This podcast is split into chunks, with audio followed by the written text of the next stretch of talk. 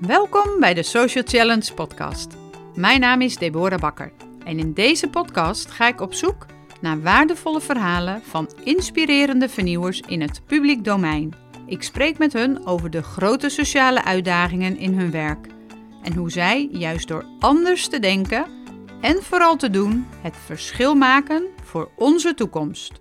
Deze aflevering weer een bijzonder inspirerend interview in de Social Challenge podcast. Juan Carlos Goylo is een multitalent, geboren op Curaçao.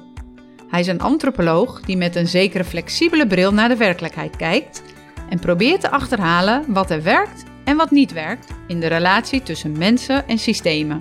Hij werkt bij de gemeente Amsterdam aan innovatie, is een bruggenbouwer, een spoken word artist, filmmaker, wereldverbeteraar en noem maar op. In alles wat hij doet wil hij impact maken en heeft hij een grote behoefte om van de wereld een betere plek te maken voor de mensen nu, maar ook voor zijn kinderen en de kinderen van zijn kinderen. Je hoort hoe zijn liefde voor woorden, verzet en verandering ontstaat in de tijd dat hij als punker met gebleached haar in een band speelt, samen met zijn broer en goede vriend Fernando. Juan Carlos laat je in deze aflevering de grenzen aan onze economische groei ontdekken. Je leert over planetaire grenzen en hoe verstoringen daarvan onze veiligheid beïnvloeden. Ook hoor je hoe we een economie kunnen opbouwen die voldoet aan de behoeften van iedereen en tegelijkertijd de grenzen van onze planeet respecteert. De donut-theorie. Je verkent de circulaire economie en hoort hoe een stad als Amsterdam en een eiland als Curaçao werken aan het veranderen van hun economie om duurzaamheid en circulariteit te bevorderen. Je hoort de rol van de overheid en de mogelijkheid van publiek-private samenwerkingen. Ook neemt Juan Carlos je mee in hoe kunst en de publieke sector verbonden zijn. En je hoort hoe kunst nieuwe ideeën brengt en kan zorgen voor meer cohesie in de samenleving. Daarnaast vertelt hij je ook hoe het nemen van een brede perspectief en het denken in systemen kan bijdragen aan het vinden van oplossingen voor complexe problemen. Juan Carlos droomt groots en roept jou op om dit ook te doen,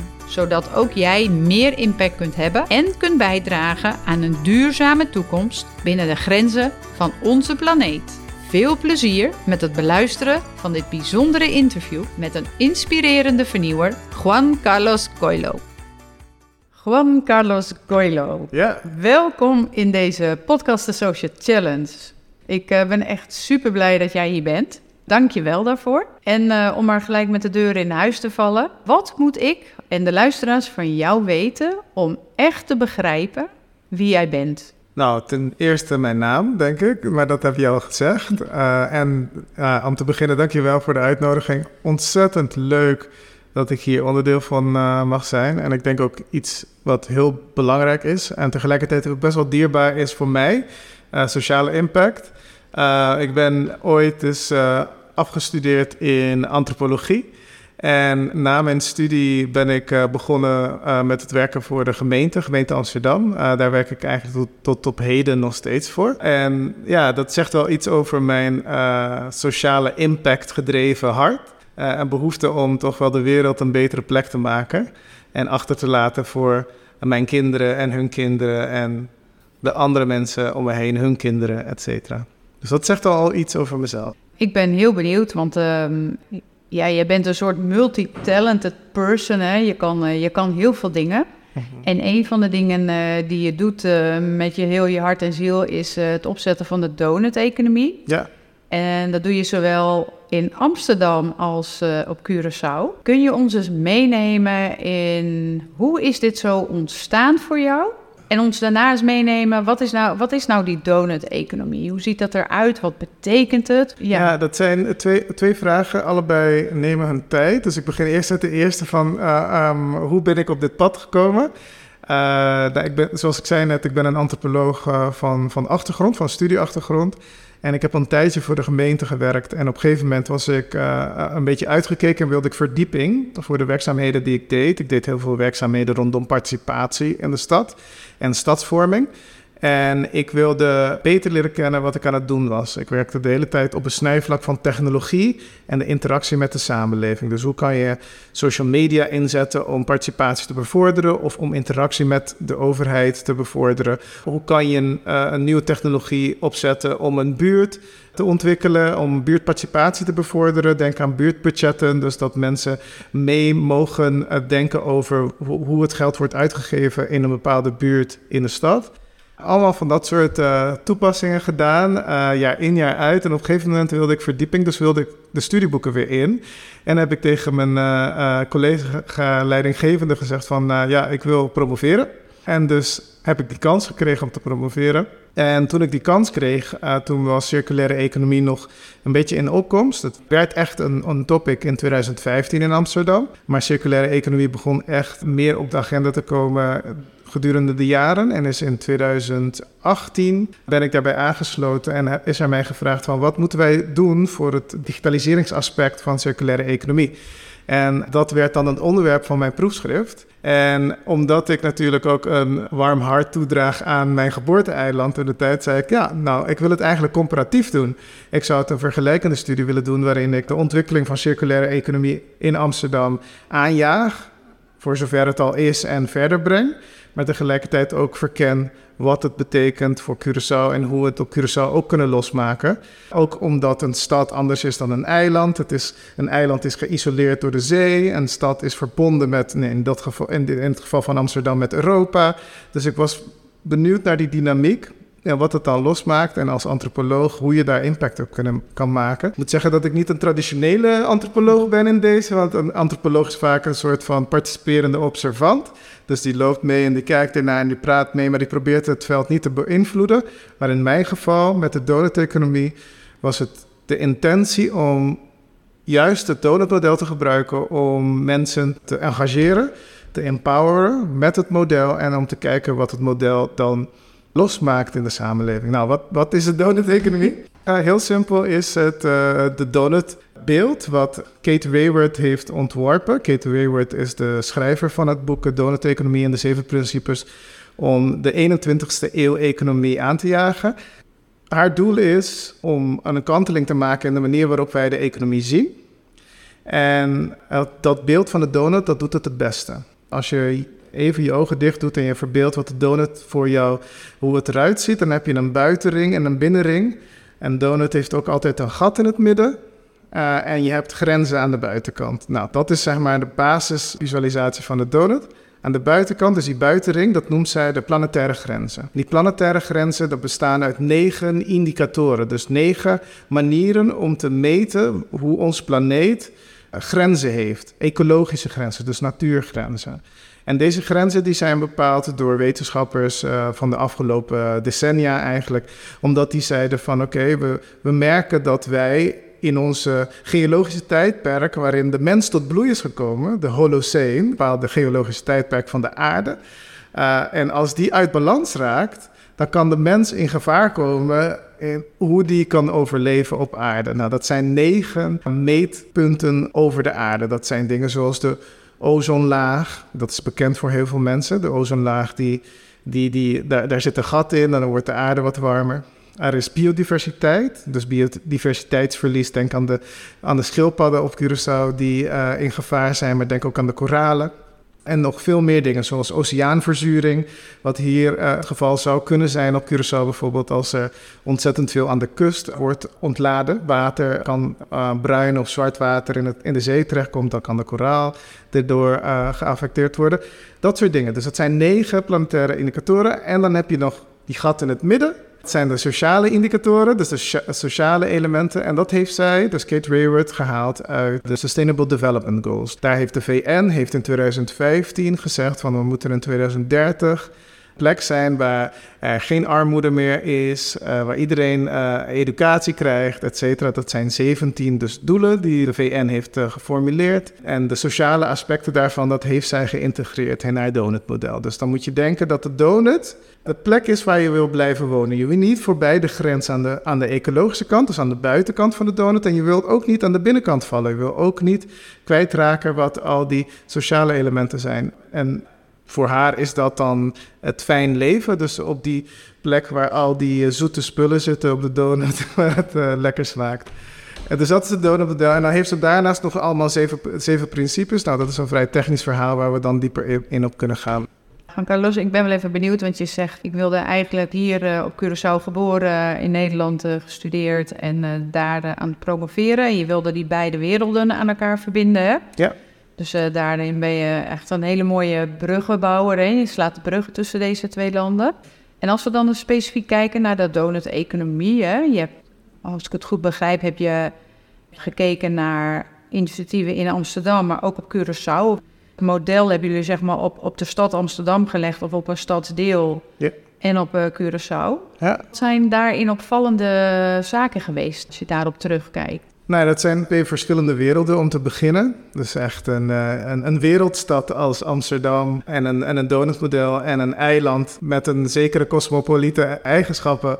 Uh, maar wel afgesloten, vrij afgesloten van de wereld, uh, klein eiland Curaçao. Dus dat zijn echt hele andere ervaringen. In Amsterdam had ik de gelegenheid ook om nauw samen te werken met Kate Rayworth. Dat is een, een, een groot, al één groot verschil. Dus we hebben in 2019 was het eigenlijk het hele jaar gebruikt om te ontwerpen hoe een nieuwe economie voor de stad zou moeten zijn. Een economie die, zoals zij zegt, uh, meets the needs of uh, all people within the means of a living planet. Een, een economie die echt zorg draagt voor iedereen en een levendige natuur. Dus hoe kan je dat organiseren? Hoe kan je dat uh, doen? Nou, dat is echt een traject geweest van een jaar van samenwerken met mensen, echt ontwerpdenken, uh, zitten aan tafel en kijken wat en hoe wij dingen anders kunnen organiseren. Dus beleidsmakers, strategische beleidsmakers uitnodigen, maar ook in de stad zijn, bij de verschillende stadsdelen van de stad, uh, met verschillende mensen gesproken, maar ook met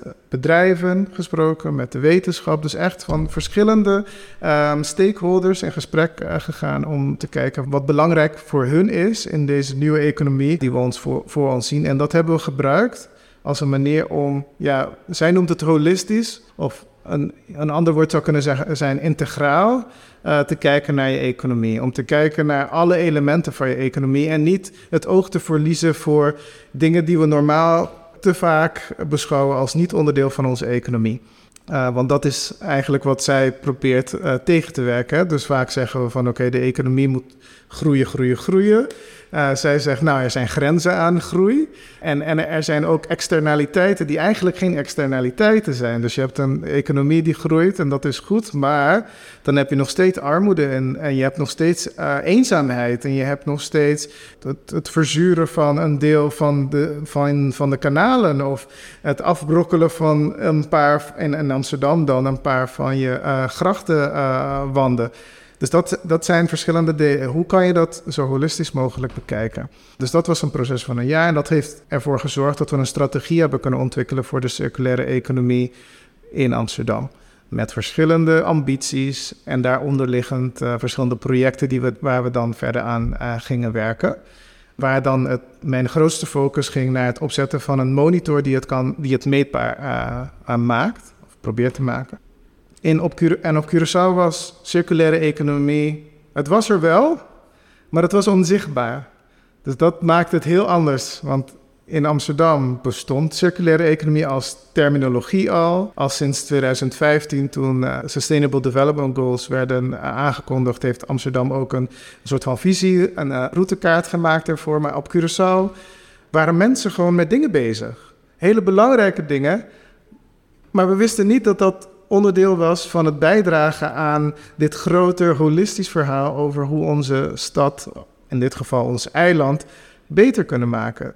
En daar heeft dus de verkenning op, op Curaçao echt een impact op gehad. Is het zichtbaar maken dat deze dingen wel degelijk op Curaçao plaatsvinden en dat, er, dat dat ook aandacht nodig heeft. Een van de dingen die bijvoorbeeld heel veel impact heeft gemaakt, is het feit dat wij een opsomming hebben gemaakt van 95 initiatieven die toen de tijd, het is in 2021 toen het gepubliceerd werd, uh, 95 initiatieven op Curaçao die aan één of meerdere aspecten van de donut uh, bijdraagt.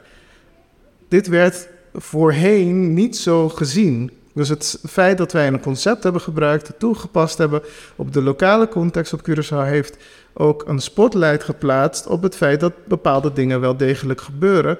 En, en, en dat we niet ervan uit moeten gaan dat die niet gebeuren. En dat we dan ook als we het zien, ook kunnen beseffen dat er manieren zijn om dat te koesteren en om dat te, voeden, om, dat, uh, om de plantjes water te geven zodat ze groter gaan worden. En dat de circulaire economie echt een, een, een manier gaat zijn op Curaçao echt te kunnen gedijen. Dus dat is eigenlijk een, een groot verschil. Het feit dat het concept op Curaçao echt helemaal niet bestond en nu langzamerhand steeds toegeëigend wordt. Een mooi duidelijk verschil, hè? Ja. En, en welke overeenkomsten heb je gezien?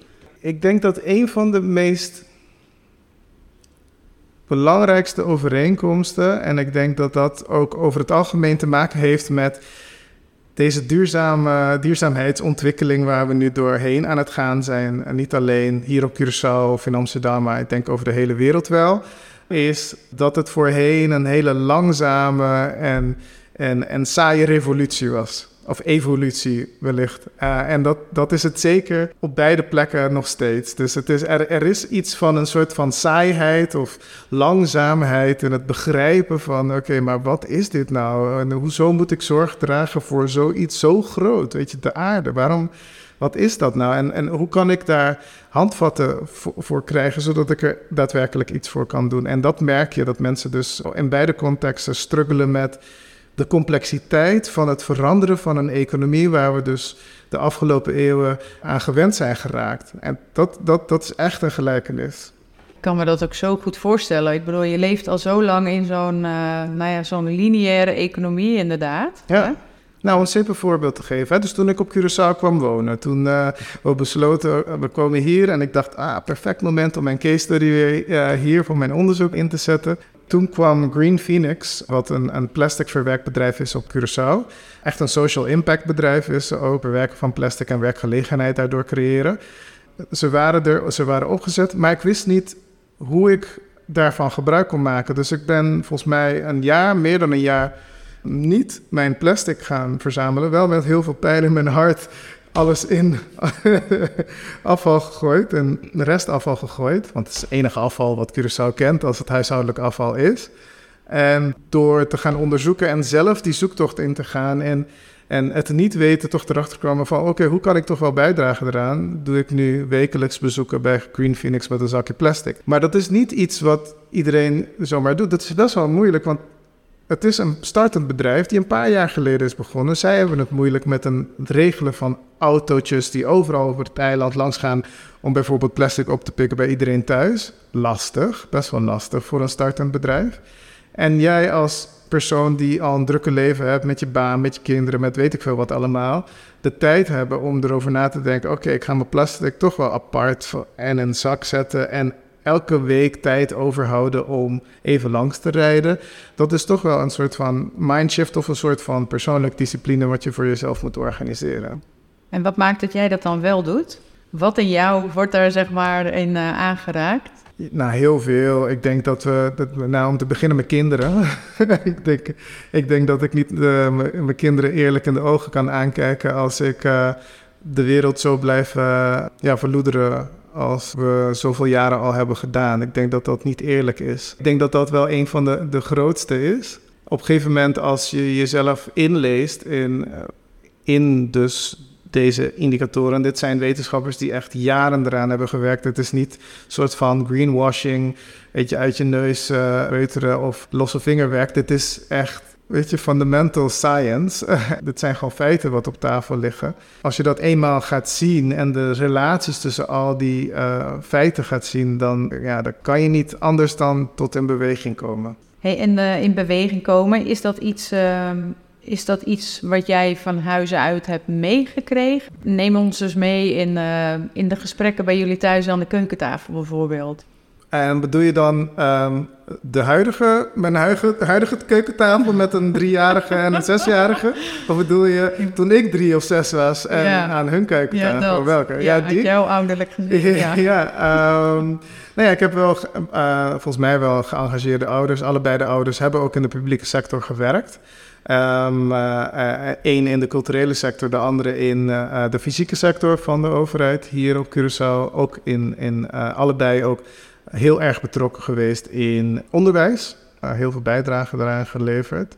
En nou ja, verder ja, kan ik nog ontzettend goed bijhalen hoe het rook toen ik naar mijn oma reed, die in Marchena woonde toen ik jong was. En dat we voorbij de raffinaderij reden en, het, en de stank. En ik aan mijn ouders vroeg waar die geur vandaan kwam. En uh, allemaal woorden voorbij kwamen die ik niet zo goed begreep. Maar die ik nu iets beter begrijp. Maar die ook niet zo heel gezond uh, zijn voor mensen die daar dus wonen. En ja, dus mijn, mijn ouders die zijn ook... Die hebben ook in Nederland gestudeerd. die waren ook in Nederland best wel geëngageerd. Dus ik denk dat ik iets meegekregen heb daarvan. En daarnaast denk ik dat het iets, een soort van eigen nieuwsgierigheid is, wat mij in beweging brengt. Ja, een combinatie, denk ik al. En uh, uh, nog even terugkomend op die donut-economie, hè, want ik denk daar kunnen we wel zelf wel een hele podcast over uh, vullen. Zeker. En waar ik, waar ik zelf wel heel nieuwsgierig ben, is, is hoe, hoe zie jij de relatie zeg maar, tussen de donut-economie en de publieke sector? Want onze luisteraars zijn ook mensen die binnen het publieke domein werken, hè, of het sociaal domein. Ja.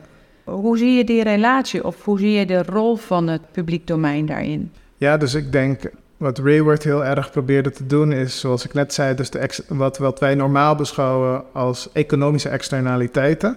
Armoede, ongeletterdheid, lage educatie. Dat zijn geen externaliteiten van de economie, dat is de economie. Zoals het woord ook al zegt, e ecos, nomos, dus de oikos, dat is je huis. En de nomos, dat is de regulering van jouw huis. Dus een economie is eigenlijk hoe reguleer je je huis. En als ik, als ik thuis mijn kinderen voor me heb en die gaan naar school, zeg maar, die gaan een dag naar school en het gaat een keertje niet goed, dan ga ik niet daarop bezuinigen. Ik ga niet zeggen, oh ja, maar ja. Weet je, hun, hun educatie moet even wachten, want papa heeft een nieuwe scherm nodig om honkbal op te kijken. Dat ga ik dan niet zeggen. Nee, ik ga ervoor zorgen dat ze betere scholing krijgen. Zodat ze verder komen in hun leven. En zo werkt de publiek, zo zou de publieke sector ook moeten werken. Dus er zou een soort van gemeenschappelijke uh, en maatschappelijke waarde moeten zijn.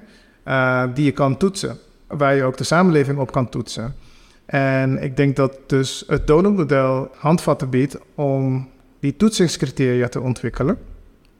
Dus je hebt dat model wat ik net uitlegde. Nou, dat zijn in principe negen ecologische toetsingscriteria aan de buitenring, dus ecologie. En in de binnenring, waar ik het net over had, dat zijn twaalf sociale toetsingscriteria.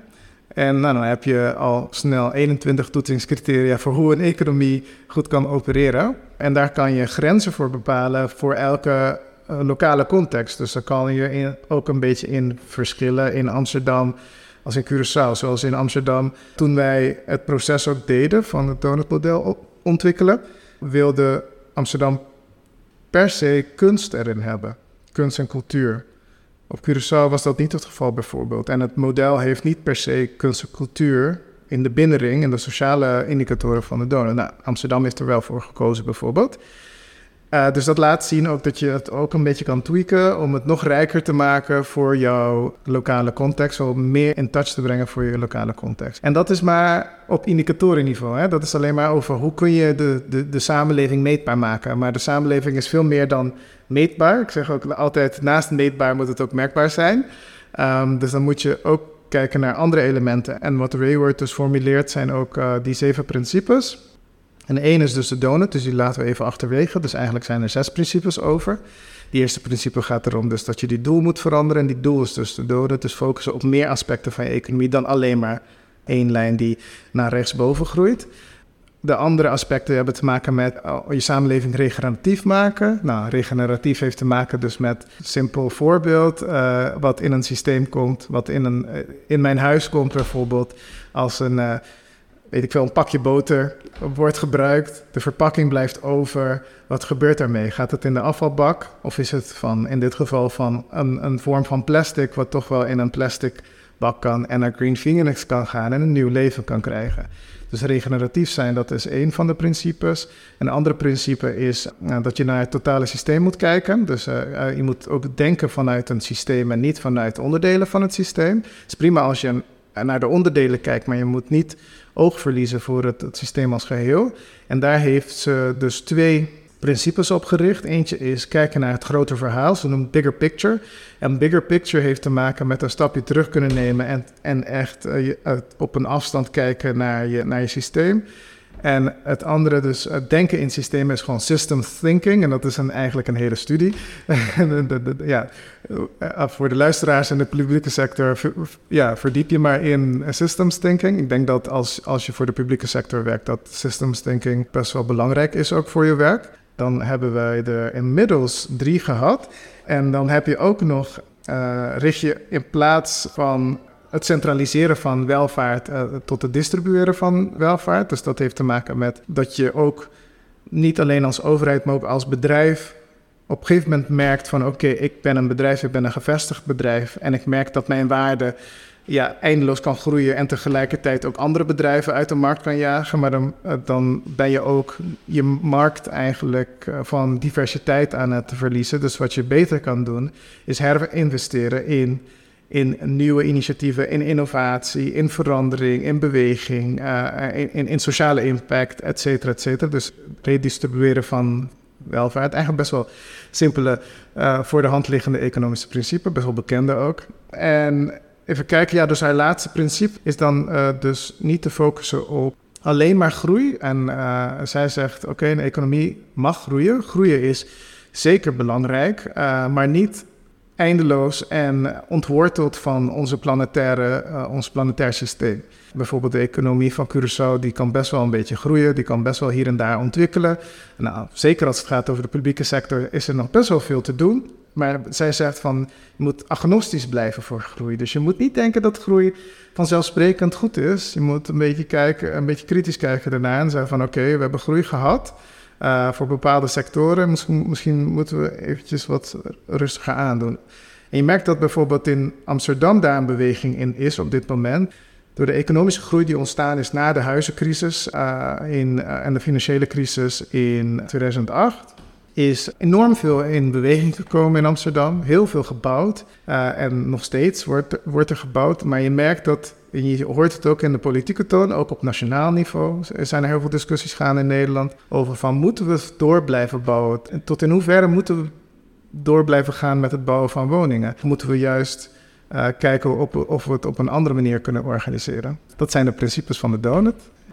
En wat ik me dan afvraag, hè, want je zegt, daar is inderdaad voor de publieke sector nog genoeg in te doen. Hè, en die hebben daar ook een rol in, uh, in te pakken. Kun je misschien uh, één of twee voorbeelden noemen waar de publieke sector in Amsterdam of op Curaçao een rol in hebben gehad, waar positieve impact is geweest? Ja, zeker. Ik denk dat we in Amsterdam hebben we best wel mooie voorbeelden. Uh, vooral toen wij dus aangekondigd hebben dat we volgens het donutprincipe gingen werken. En dat we ook uh, aan de slag gingen met het model als een manier om uit de duurzamer uit de COVID te komen. Dus du duurzamer uit de pandemie te komen. Zijn er verschillende initiatieven ontstaan die best wel in lijn zijn met de principes van de donut. Eén daarvan is van een, een, een, een goede collega van mij, die heeft uh, um, nou, twee eigenlijk, laten we maar twee voorbeelden doen. Eén uh, is Voedselverbind. Dat is een traject geweest en dat heb je hier ook gezien. Voedselverbind ging over het korter maken van de voedselketens, zodat mensen die minder hebben en in isolatie komen, uh, toch wel genoeg eten krijgen gedurende de pandemie. Dat is iets wat je ook op Curaçao hebt gezien met de voedselpakketten. Kijk, en een ander voorbeeld wat in Amsterdam heeft plaatsgevonden is, naast voedsel is ook vooral in onze sociale media en internettijdperk, uh, dat je ook in sociale isolatie kan komen. Uh, en zeker met uh, de pandemie waar afstand zo belangrijk werd voor de gezondheid en, en, dat internet daardoor nog belangrijker werd voor contact. Waren mensen bijvoorbeeld uitgesloten geraken omdat ze geen internet thuis hadden in Amsterdam. Dus hadden we een traject gestart in Amsterdam, waarin er gebruikte laptops een plek konden krijgen bij mensen die minder vermogend waren. Dus die konden dan, en die kregen ook tegelijkertijd ook wifi-verbinding. Op Curaçao zag je ook gedurende de pandemie dat bijvoorbeeld mensen die uh, schulden, heel veel schulden hadden op hun waterrekening, uh, tijdelijk toch wel toegang kregen tot water. Omdat het ook vooral zo belangrijk is voor je gezondheid. Weet je, water is, en toegang tot water is ook best wel een, een basisbeginsel uh, voor het welzijn van, van de mensen. En, en, ik denk dat dat ook door de pandemie zo, zo duidelijk werd gemaakt. Dat er ook gewoon grenzen zijn aan ons welzijn en dat je dat je het echt kapot kan maken als je er geen rekening mee houdt. Dat, ja, dat zijn een paar van de voorbeelden. Ik denk dat er nog veel meer te noemen zijn nu we weer een beetje uit de pandemie aan het komen zijn. Je, je kijkt me aan alsof je meer wil horen, alsof je die voorbeelden uit mijn, oh, als ik even uit mijn mouw is. nou ja, een van de, in ieder geval in, op Curaçao denk ik dus dat uh, waar, waar ik enorm enthousiast van word. Uh, we zitten nu hier bij Collectivo.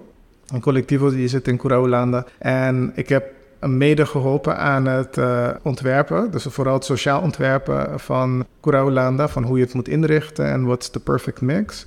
En ik denk dat dat soort werk, dus het, wat we in Amsterdam als circulaire gebiedsontwikkeling noemen, uh, daar word ik uh, heel erg uh, warm van. Zodat ook op Curaçao dat soort dingen kunnen doen. Dus ook op circulaire wijze kunnen gaan kijken naar gebieden en de ontwikkeling van, van gebieden. En dat je niet alleen maar gaat kijken met een bril van hier zijn een paar landgoed van de overheid, die moeten we afstoten, gronduitgifte, tenders uitzetten. Nou, wie is de grootste koper? Koop, ontwikkel, doei. Nee, maar dat je, mee, dat je zo'n tender inzet met bepaalde waarden en dat je ook stuurt op die waarden, zodat je een plek creëert wat bijzonder is en fijn is om bij te zijn. En dat je niet bijvoorbeeld bezuinigt op bomen, maar dat je juist gaat, uh, ervoor gaat zorgen dat die bomen gaan groeien of meer gaan worden. Dat zijn van die uh, hele simpele dingen waar ik ja, toch wel heel enthousiast van word. En we hebben daar hier een voorbeeld van, maar ik hoop dat er veel meer gaan komen op Curaçao. En hoe zorg jij ervoor dat er meer gaan komen, zeg maar? Ja, wat van jezelf zet je daarvoor in? Ja, ik denk dat ik niet anders kan dan zo denken. Dus ik kan, kan het niet uh, uitzetten of zo. Ik kan die knop niet, uh, niet uitzetten. Dat is uh, voor, ik denk voor sommige mensen misschien zelfs een beetje storend. Daar heb ik een beetje lak aan.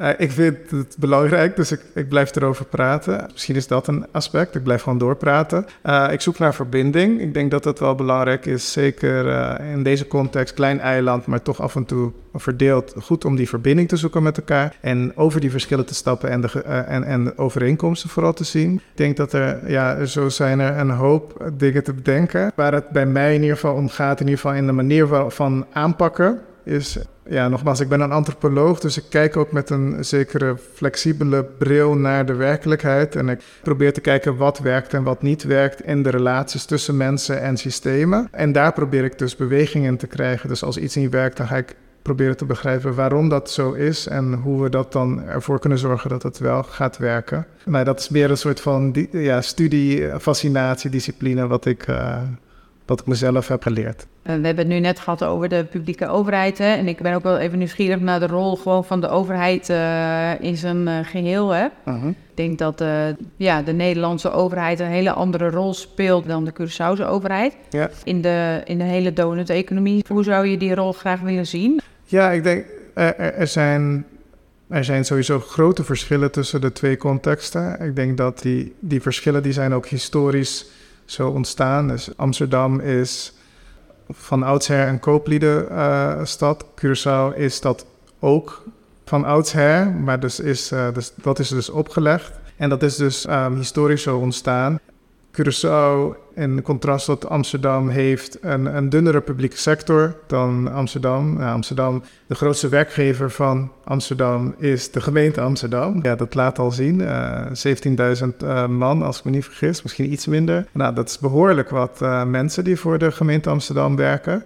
En, en dus ja, dat, dat, daar zit een verschil in. En dat maakt ook dat de aanpak net wat anders is. Op Curaçao heb je veel meer uh, vermogende mensen die dan bijvoorbeeld voor een goed doel iets eh, doen dan de publieke sector structureel voor iets inzet. Dus dat zijn wel verschillen. Het doet een beetje meer neigen richting een beetje de Amerikaanse filantropie model. En terwijl je in in Nederland je toch wel een, een soort van basissysteem hebt waarin de overheid ook best wel veel invloed heeft op hoe geïnvesteerd wordt in het land, omdat de overheid ook best wel veel controle heeft op bepaalde inkoop en best wel veel inkoopt ook van de samenleving. Uh, dus daar, heb je andere sturingsmechanismes, denk ik, die effectief zijn dan op Curaçao. Op Curaçao zit het toch wel meer, um, en het kan ook anders ingericht worden, maar ik denk dat op Curaçao toch wel meer je, je het moet hebben van publiek-private samenwerkingen die, die heel gezond en, en, en duurzaam worden opgezet. Waarin uh, enorm wordt gewerkt aan vertrouwen. In Nederland, in Amsterdam, daar zit veel meer dus een... Daar zit ook die publiek en private samenwerking, maar daar, daar heeft een soort van, um,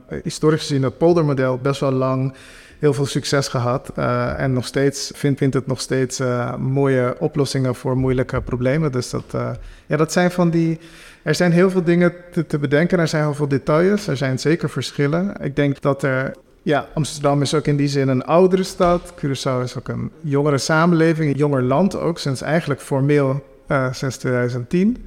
Je zou kunnen zeggen, daarvoor is er al wat gebeurd vanuit Nederlandse Antillen. Maar 2010 is het echt status apartus en, en heeft het ook bepaalde verantwoordelijkheden wat het voorheen niet had. Wel als zij de, het, uh, de grootste eiland van uh, de Nederlandse Antillen, maar niet als een verantwoordelijkheid naar zichzelf toe. Dus ik denk dat dat ook ervoor zorgt dat er bepaalde aspecten van de overheid er nog missen, misschien. Ja, een simpele voorbeeld voor waar ik zelf in werk is data. Er, er, er mist best wel veel informatie ook over de Curaçaose samenleving, uh, over de Curaçaose economie. En dat maakt het ook wel moeilijker om voor de overheid om te kunnen zien wat er bijvoorbeeld uh, wat er speelt. Volgens mij is de statistiekverordening wat gemaakt is uh, afkomstig uit de periode van 30 mei 1969. Kort daarna is er een, dus een, een statistiekverordening ontwikkeld voor, voor Curaçao. En dat is niet herzien tot, tot vandaag. Volgens mij zijn ze er nu wel bezig om het te herzien. Maar dat laat ook al zien dat bepaalde dingen verouderd zijn. En dat was in de tijd dat het Nederlands Antillen er nog was. En dat Aruba nog steeds in de Nederlandse Antillen zat. Dus een hele andere context hebben we weer mee te maken. Een hele andere bestuurlijke uh, samenstelling. Terwijl in Amsterdam heb je heel uitgewerkte, weet je, uh, um, dataverordeningen op landelijk niveau, maar ook op stedelijk niveau, allemaal uh, regelgeving ervoor. Dus uh, dat is heel anders. Als je dan uh, kijkt naar de publieke sector, waar je dan deels in werkt in uh, Amsterdam en uh, nou, hier op Curaçao ben je ook bezig met bepaalde zaken. en gezien alle ontwikkelingen waar je natuurlijk zelf bovenop zit, vanuit jouw innerlijke gedrevenheid, zeg maar, hè, en alles wat je doet. Welke uitdagingen zie jij specifiek voor het publiek domein voor de komende jaren? En over het algemeen hebben we het nu, hè? dus even ja. ontstijgend van, ja. van plek. Dat is een goede vraag. Ik denk dat een van de grootste uitdagingen natuurlijk in deze informatietijdperk informatie is. Dus, uh, en hoe we daarmee omgaan met elkaar. En als we daar niet zorgvuldig mee omgaan, dat we elkaar verliezen daarin. Het is niet voor niks dat in de tijd dat Trump aan de macht kwam, dat er gesproken werd over post-truth en post-politics. Want op een gegeven moment was het niet meer duidelijk welke informatie wij kunnen vertrouwen. Tegenwoordig zitten we allemaal op sociale media. Um, ik weet niet hoeveel uren je per dag op sociale media zit. Maar ik denk dat de men tussen de een uur tot misschien twee, drie uur op sociale media per dag zit, uh, opgeteld. En als je nagaat wat voor informatie je binnenkrijgt en als je niet beseft dat je in bepaalde echo-cabines um, zit, waarin je gewoon herhalingen krijgt van hetzelfde en niet inziet dat er veel meer is daarbuiten en dat er veel meer diversiteit is in het denken. En dat je ook niet kritisch weet hoe je dat moet toetsen, dat je ook niet weet van wanneer iets binnenkomt of het betrouwbaar is of niet, of uh, wanneer het uh, vooral uh, ja, gevalideerde informatie is of niet, of een beetje wetenschappelijk ernaar kunt kijken. Dat je enorm misleid kan worden in, deze, in, in, in de tijd waarin we leven. En ik denk dat de overheid daar best wel veel mee worstelt. Dat merkte je ook enorm in de tijd van de pandemie. Ja, dat, dat was heel duidelijk dat er mensen waren die zeiden dat de pa pandemie niet bestond. Of dat het uh, um, uh, een manier was om controle uit te oefenen op de samenleving. Of dat je de vaccinen niet moet nemen omdat dat, dan willen mensen je besturen. Maar ideeën die kwamen los. En dat zijn ideeën die, die, per se niet niet waar zijn. Uh, op een bepaald niveau waren het uitingen van bepaalde gevoelens. Waarin die informatietijdwerk waar we in leven, die wordt dat helemaal eh, vermengd met onderzoeken van, van wetenschappers of uh, van mensen die echt uh, tijd hebben besteed om het probleem te proberen op te lossen, wordt het meteen mee vertroebeld en is het niet meer duidelijk van waar zit het nou precies en hoe kunnen we verder met elkaar en ontstaat er heel veel wantrouwen. Nou, een samenleving vol wantrouwen is niet te besturen voor een. Dus. En waar, waar ik nog even benieuwd naar ben, want dit onderwerp, eh, daar kunnen we natuurlijk uren over doorpraten, merk ik. Maar er is ook nog een hele andere kant aan jou. Jij bent ook een spoken word artist. Ja, zeker. En eigenlijk doe je nog heel veel meer op artistiek en uh, kunst- en cultureel gebied. Hoe is dat bij jou ontstaan? Ja, kunst ontstaan, denk ik in mijn tienerjaren was ik eh, echt een punker. en ik was uh, ja, echt een punker. Uh, NoFX en MXPX en Bad Religion en nou, noem het maar op. Dus echt een punker. En ik liep ook op school met blauw haar, geblondeerd, gebleachte haar of groen haar, noem maar op, paars. Vraag maar aan mensen die me in mijn jonge jaren hebben gekend. Ik had ook een band en ik speelde daar met mijn broer en een goede vriend Fernando in. Dat, dat, ja, ik denk dat daar mijn, uh, mijn uh, liefde voor de kunst en ook voor verzet en misschien voor verandering toch uh, is ontstaan. En ik denk, toen ik naar Nederland kwam, was ik even vast. Wist ik niet zo goed hoe ik tot uiting moest komen over, voor mijn kunstvoordracht. Dus was het heel lang gestopt. En ergens uh, in mijn studiejaren heb ik uh, schrijven weer opgepikt en ben ik begonnen als, uh, als dichter, als spoken word artiest. Ik was enorm beïnvloed door de Def Jam poetry um, sessies die ik online heb gezien en werd enorm daardoor geïnspireerd. En de kracht die het woord had. Die had ik niet zo gevoeld eh, tot in die tijd weer. Um, en ben ik begonnen met schrijven. En zo sloot ik me aan bij uh, Poetry Circle. Poetry Circle Nowhere, dat is een uh, stichting in Amsterdam. En met andere dichters dan in aanraking gekomen. Dat is een dichterscollectief. Dus ik kon met mijn ei kwijt. En dan konden zij hun ei kwijt. En konden van elkaar leren hoe hoe elkaars ei eruit ziet. um, uh, en, uh, en zodoende, zo, zo, zo zijn we, um, ben ik ermee aan de slag gegaan. En toen begon ik van daaruit ook uh, theatervoorstellingen te maken. En ook films, korte films. En nu probeer ik dat een beetje verder te brengen. Ja, zo. Hoe probeer je dat verder te brengen? Ja, gewoon door te doen. Ja, door dingen uit te proberen en, en nieuwe vormen van voordrachten te bedenken die nog niet bedacht zijn. En dat uit te proberen, kijken of het uh, goed valt. Niet altijd valt het goed, maar ik probeer het gewoon en ik kijk wat werkt en wat niet werkt. Ik denk die nieuwsgierigheid zit in de basis. En, en uh, gedreven door inhoud van dingen die ik belangrijk vind, waar mensen over nadenken of uh, over weten. Of, ja. Is er ook een relatie bij jou tussen jouw liefde voor spoken word en het publieke domein? Zie je daar verbindenis in? Ja, helemaal. Ja, ja, ik denk, dat, dat klinkt een dit klinkt een beetje een soort van uh, um, raar of een soort van hoge dunk. Maar ik denk, de vol, volmaakte mens is een mens die uh, uh, op een of andere manier de verschillende aspecten van mens zijn weet te verbinden met elkaar. En ik, ik raak enorm geïnspireerd door kunstenaars zoals Da Vinci, die niet alleen maar met de kunsten um, bezig was, maar ook met de publieke sector en ook met uh, de wetenschap. En dus ik zie dat soort manieren van zijn, dus het zoveel mogelijk uit het leven halen om terug te geven aan, aan de plek waar je je bevindt, dat vind ik, uh, dat, dat is enorme inspiratie voor mij. Dus uh, in die zin een homo universalis zijn, om mezelf te kunnen voeden, om terug te kunnen geven, dat vind ik dat vind ik heel belangrijk. En niet vanuit een soort van narcistische gedachtegoed, maar juist, een, juist het tegenovergestelde. Ik wil juist zoveel mogelijk uh, teruggeven van wat ik heb in me aan de wereld, die ik toch ga achterlaten over uh, een aantal uh, jaar. Ja. Dat is mooi gezegd. Merk je bijvoorbeeld ook dat doordat je dan een ander deel van jezelf ontwikkelt, maakt dat ook dat je anders kunt kijken naar de vraagstukken in je werk? Ja, je, dus je vraag, als ik het goed begrijp, is door, um, door, mijn, door juist in te zetten op mijn veelzijdigheid, dat het invloed heeft op mijn werk? Ja, door een hele andere kant van jezelf bezig bent, een artistieke kant, maakt dat misschien ook dat je op een andere manier naar vraagstukken in je werk kunt kijken. Oh, 100%, 100% ja. ja, het brengt me op een paar, paar ideeën. Dus ik denk dat dat zeker het geval is. Dus het creatief kunnen kijken naar de publieke sector en, en ook gestructureerd kunnen kijken naar mijn, mijn kunsten. Dat heeft zeker een relatie tot elkaar.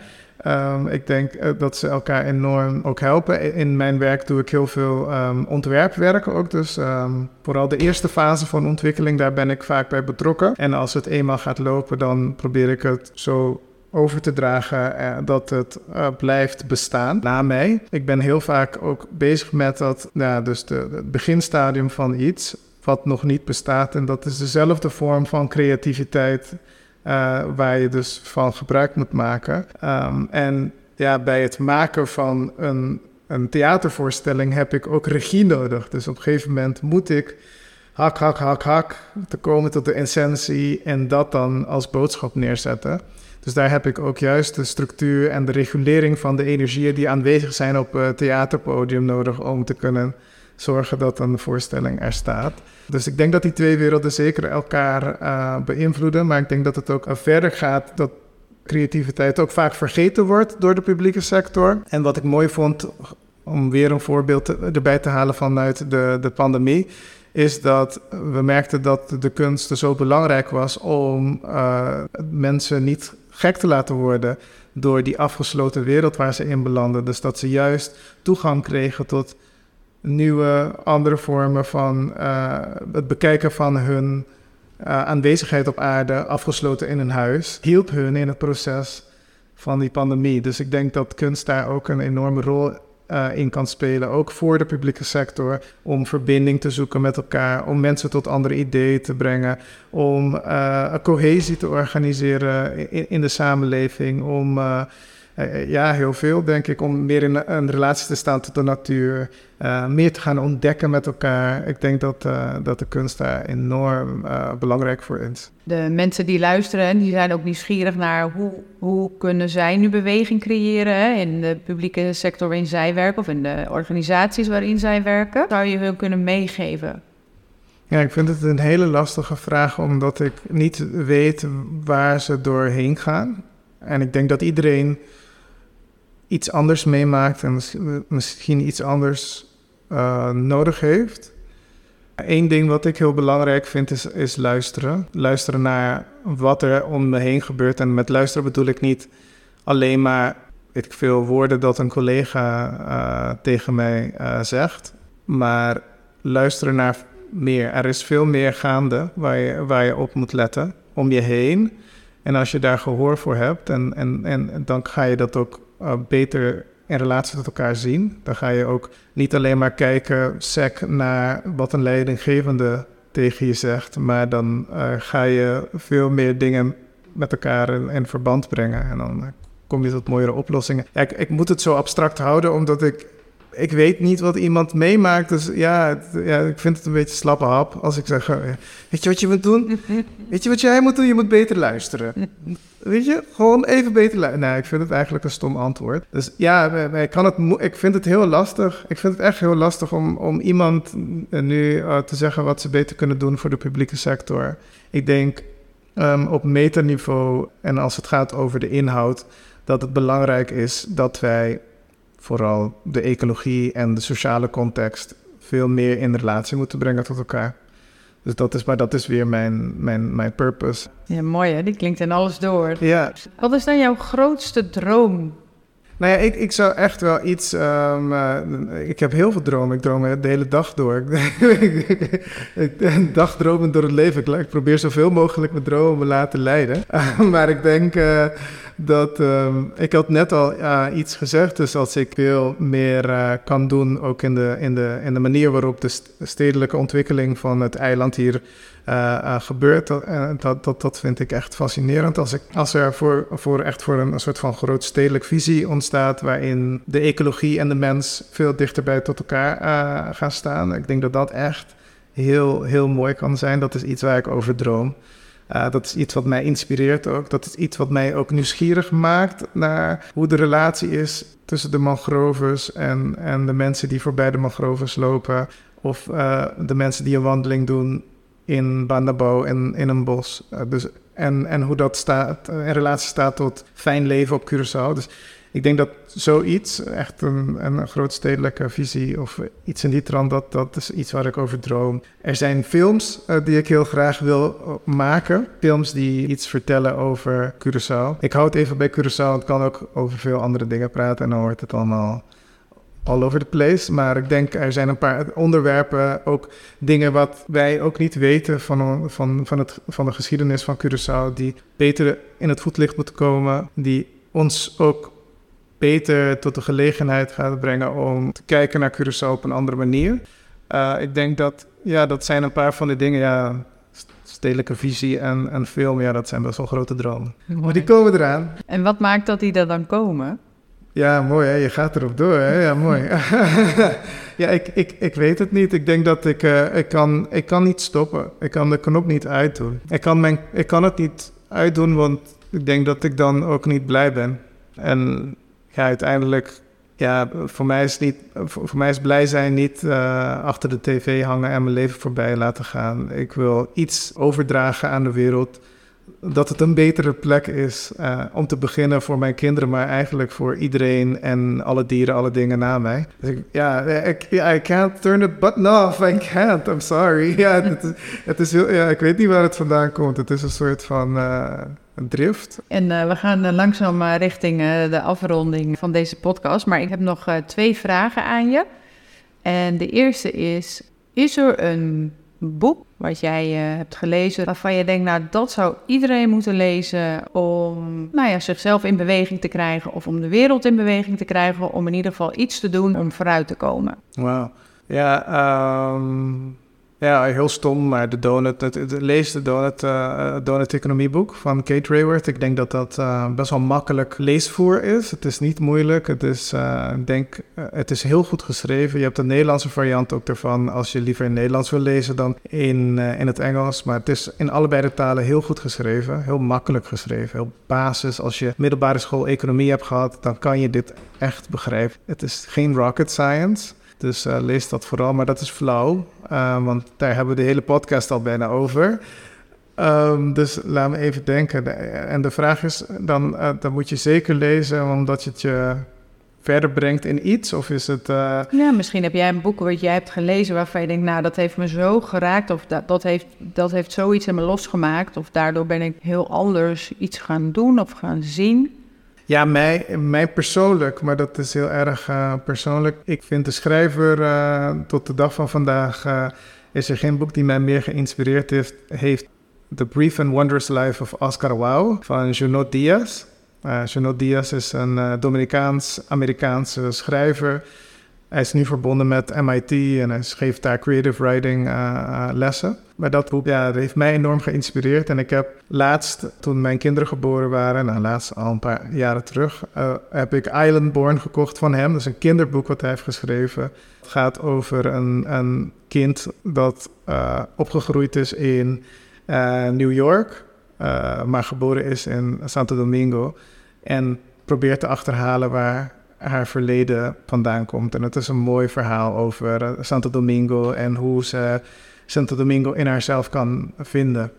Dus die twee boeken, en die gaan ook over uh, mensen die op verschillende plekken hebben gewoond. Uh, dat je daar iets kan vinden over één, mijn creativiteit. Ik denk dat hij zijn, zijn creatieve aanpak, zijn manier van kijken naar de wereld en, en de relationele manier van, van dingen, dat dingen in relatie staan tot elkaar en dat plekken niet zo ver gelegen zijn van elkaar, maar toch wel best wel dichtbij. Uh, en dat de wereld eigenlijk niet zo groot is als, als heel veel mensen denken, maar dat best wel klein is. Ja, dat, dat je best wel veel elementen van, van dingen waar ik over nadenk uh, wel daarin kan vinden. Je had nog een andere vraag, nog hè? een andere vraag, ja.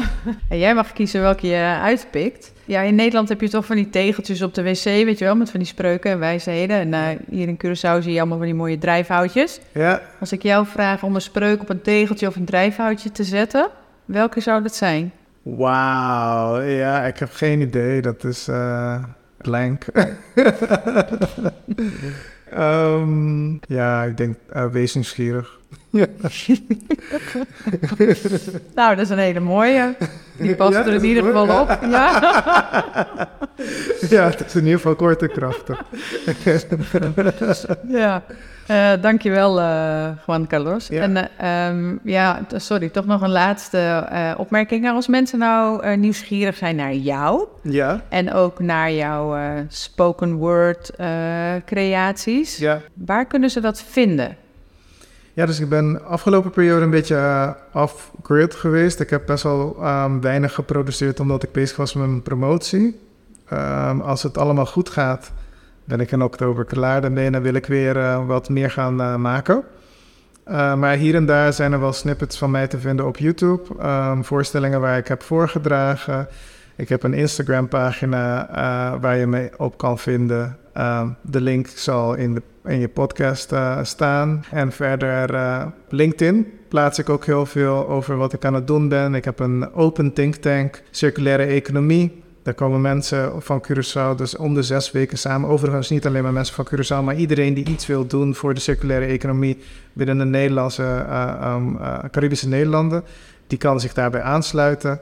Ja, om de zes weken zitten we samen om te denken over bepaalde onderwerpen. Ehm, ja, de- ja, op verschillende plekken ben, ben ik te vinden. Ik denk de meest actief op dit moment op LinkedIn. Ja, LinkedIn denk ik het meest. Als er mensen zijn die dus willen deelnemen in jouw eh, denktank, is dat mogelijk? Zeker. Als er luisteraars zijn die denken, nou, dat vind ik heel interessant, ik wil graag meedenken, Ja, kunnen zij zich 100%. bij jou aanmelden? Ja, ik, ik kondig het elke keer een week van tevoren eh, Of ja, sorry, de, maandag voor de don. Het is altijd op donderdag, om de zes weken op donderdag. Eh nou, de maandag van, dan voor dan kondig, kondig ik het aan op eh, LinkedIn. En ik zeg elke keer: wil je er onderdeel van zijn? Stuur me een bericht.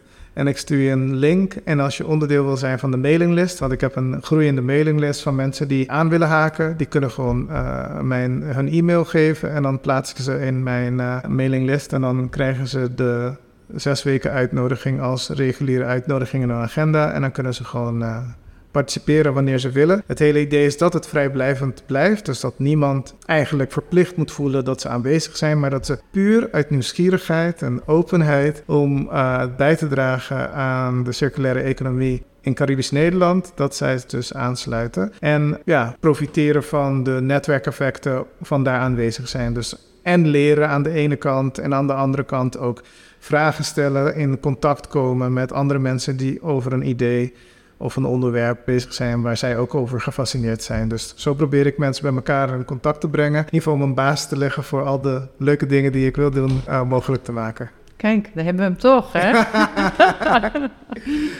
dus alle mensen bij elkaar verbinden. Ja, Dus mensen, eh, ben je nieuwsgierig? Ik zal de link ook eh, bij de podcast zetten, maar eh, zoek Juan Carlos op op LinkedIn, Juan Carlos Goylo. Dan kun je hem vinden en dan kun je je aanmelden. Heel erg bedankt. Ja, en eh, op zijn eh Curaçao zeg ik eh ayo. Wat ontzettend leuk dat je nog steeds luistert, lieve luisteraar. En ik ben heel benieuwd welk inzicht jij hebt gekregen uit dit interview met Juan Carlos. Wat mij echt geïnspireerd heeft, is de gedrevenheid van Juan Carlos om goed te doen in alles wat hij doet. Dit in combinatie met zijn creatieve talent en nieuwsgierigheid maakt dat hij nieuwe wegen inslaat die nodig zijn om vooruit te komen en een nieuwe samenleving te kunnen creëren. Dus lieve mensen, wees nieuwsgierig. Voor nu een hele mooie dag en graag tot de volgende aflevering. Superleuk dat je weer luisterde naar een aflevering van de Social Challenge podcast. In deze podcast wil ik zoveel mogelijk professionals binnen het publiek domein inspireren en in beweging krijgen. Weet je dat je heel simpel een review kunt achterlaten met de app waarmee je luistert, bijvoorbeeld Spotify of iTunes? Ga naar reviews en laat bijvoorbeeld 5 sterren achter.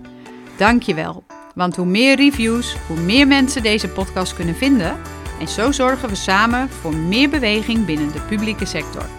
Wil je voortaan alle nieuwe podcastafleveringen overzichtelijk onder elkaar? Abonneer je dan op deze podcast. Klik in je podcast-app op de knop volgen en je ontvangt automatisch een berichtje als er een nieuwe podcastaflevering verschijnt. Vind je deze podcast interessant? En ken je collega's voor wie deze podcast ook interessant is? Dan zou ik het enorm waarderen als je deze podcast even deelt. Of de aflevering doorstuurt. Als je via Spotify luistert, kan dat door in de app naar de drie puntjes te gaan en dan te klikken op delen. Ben je door deze podcast enthousiast geworden en wil jij als professional binnen het publiek domein meer inspiratie over vernieuwing binnen dit domein? Of wil je tips of ideeën aandragen? Je vindt me op LinkedIn, Instagram en Facebook. Zoek op een van deze socials naar The New Public. Nogmaals, dankjewel voor het luisteren en graag tot de volgende keer.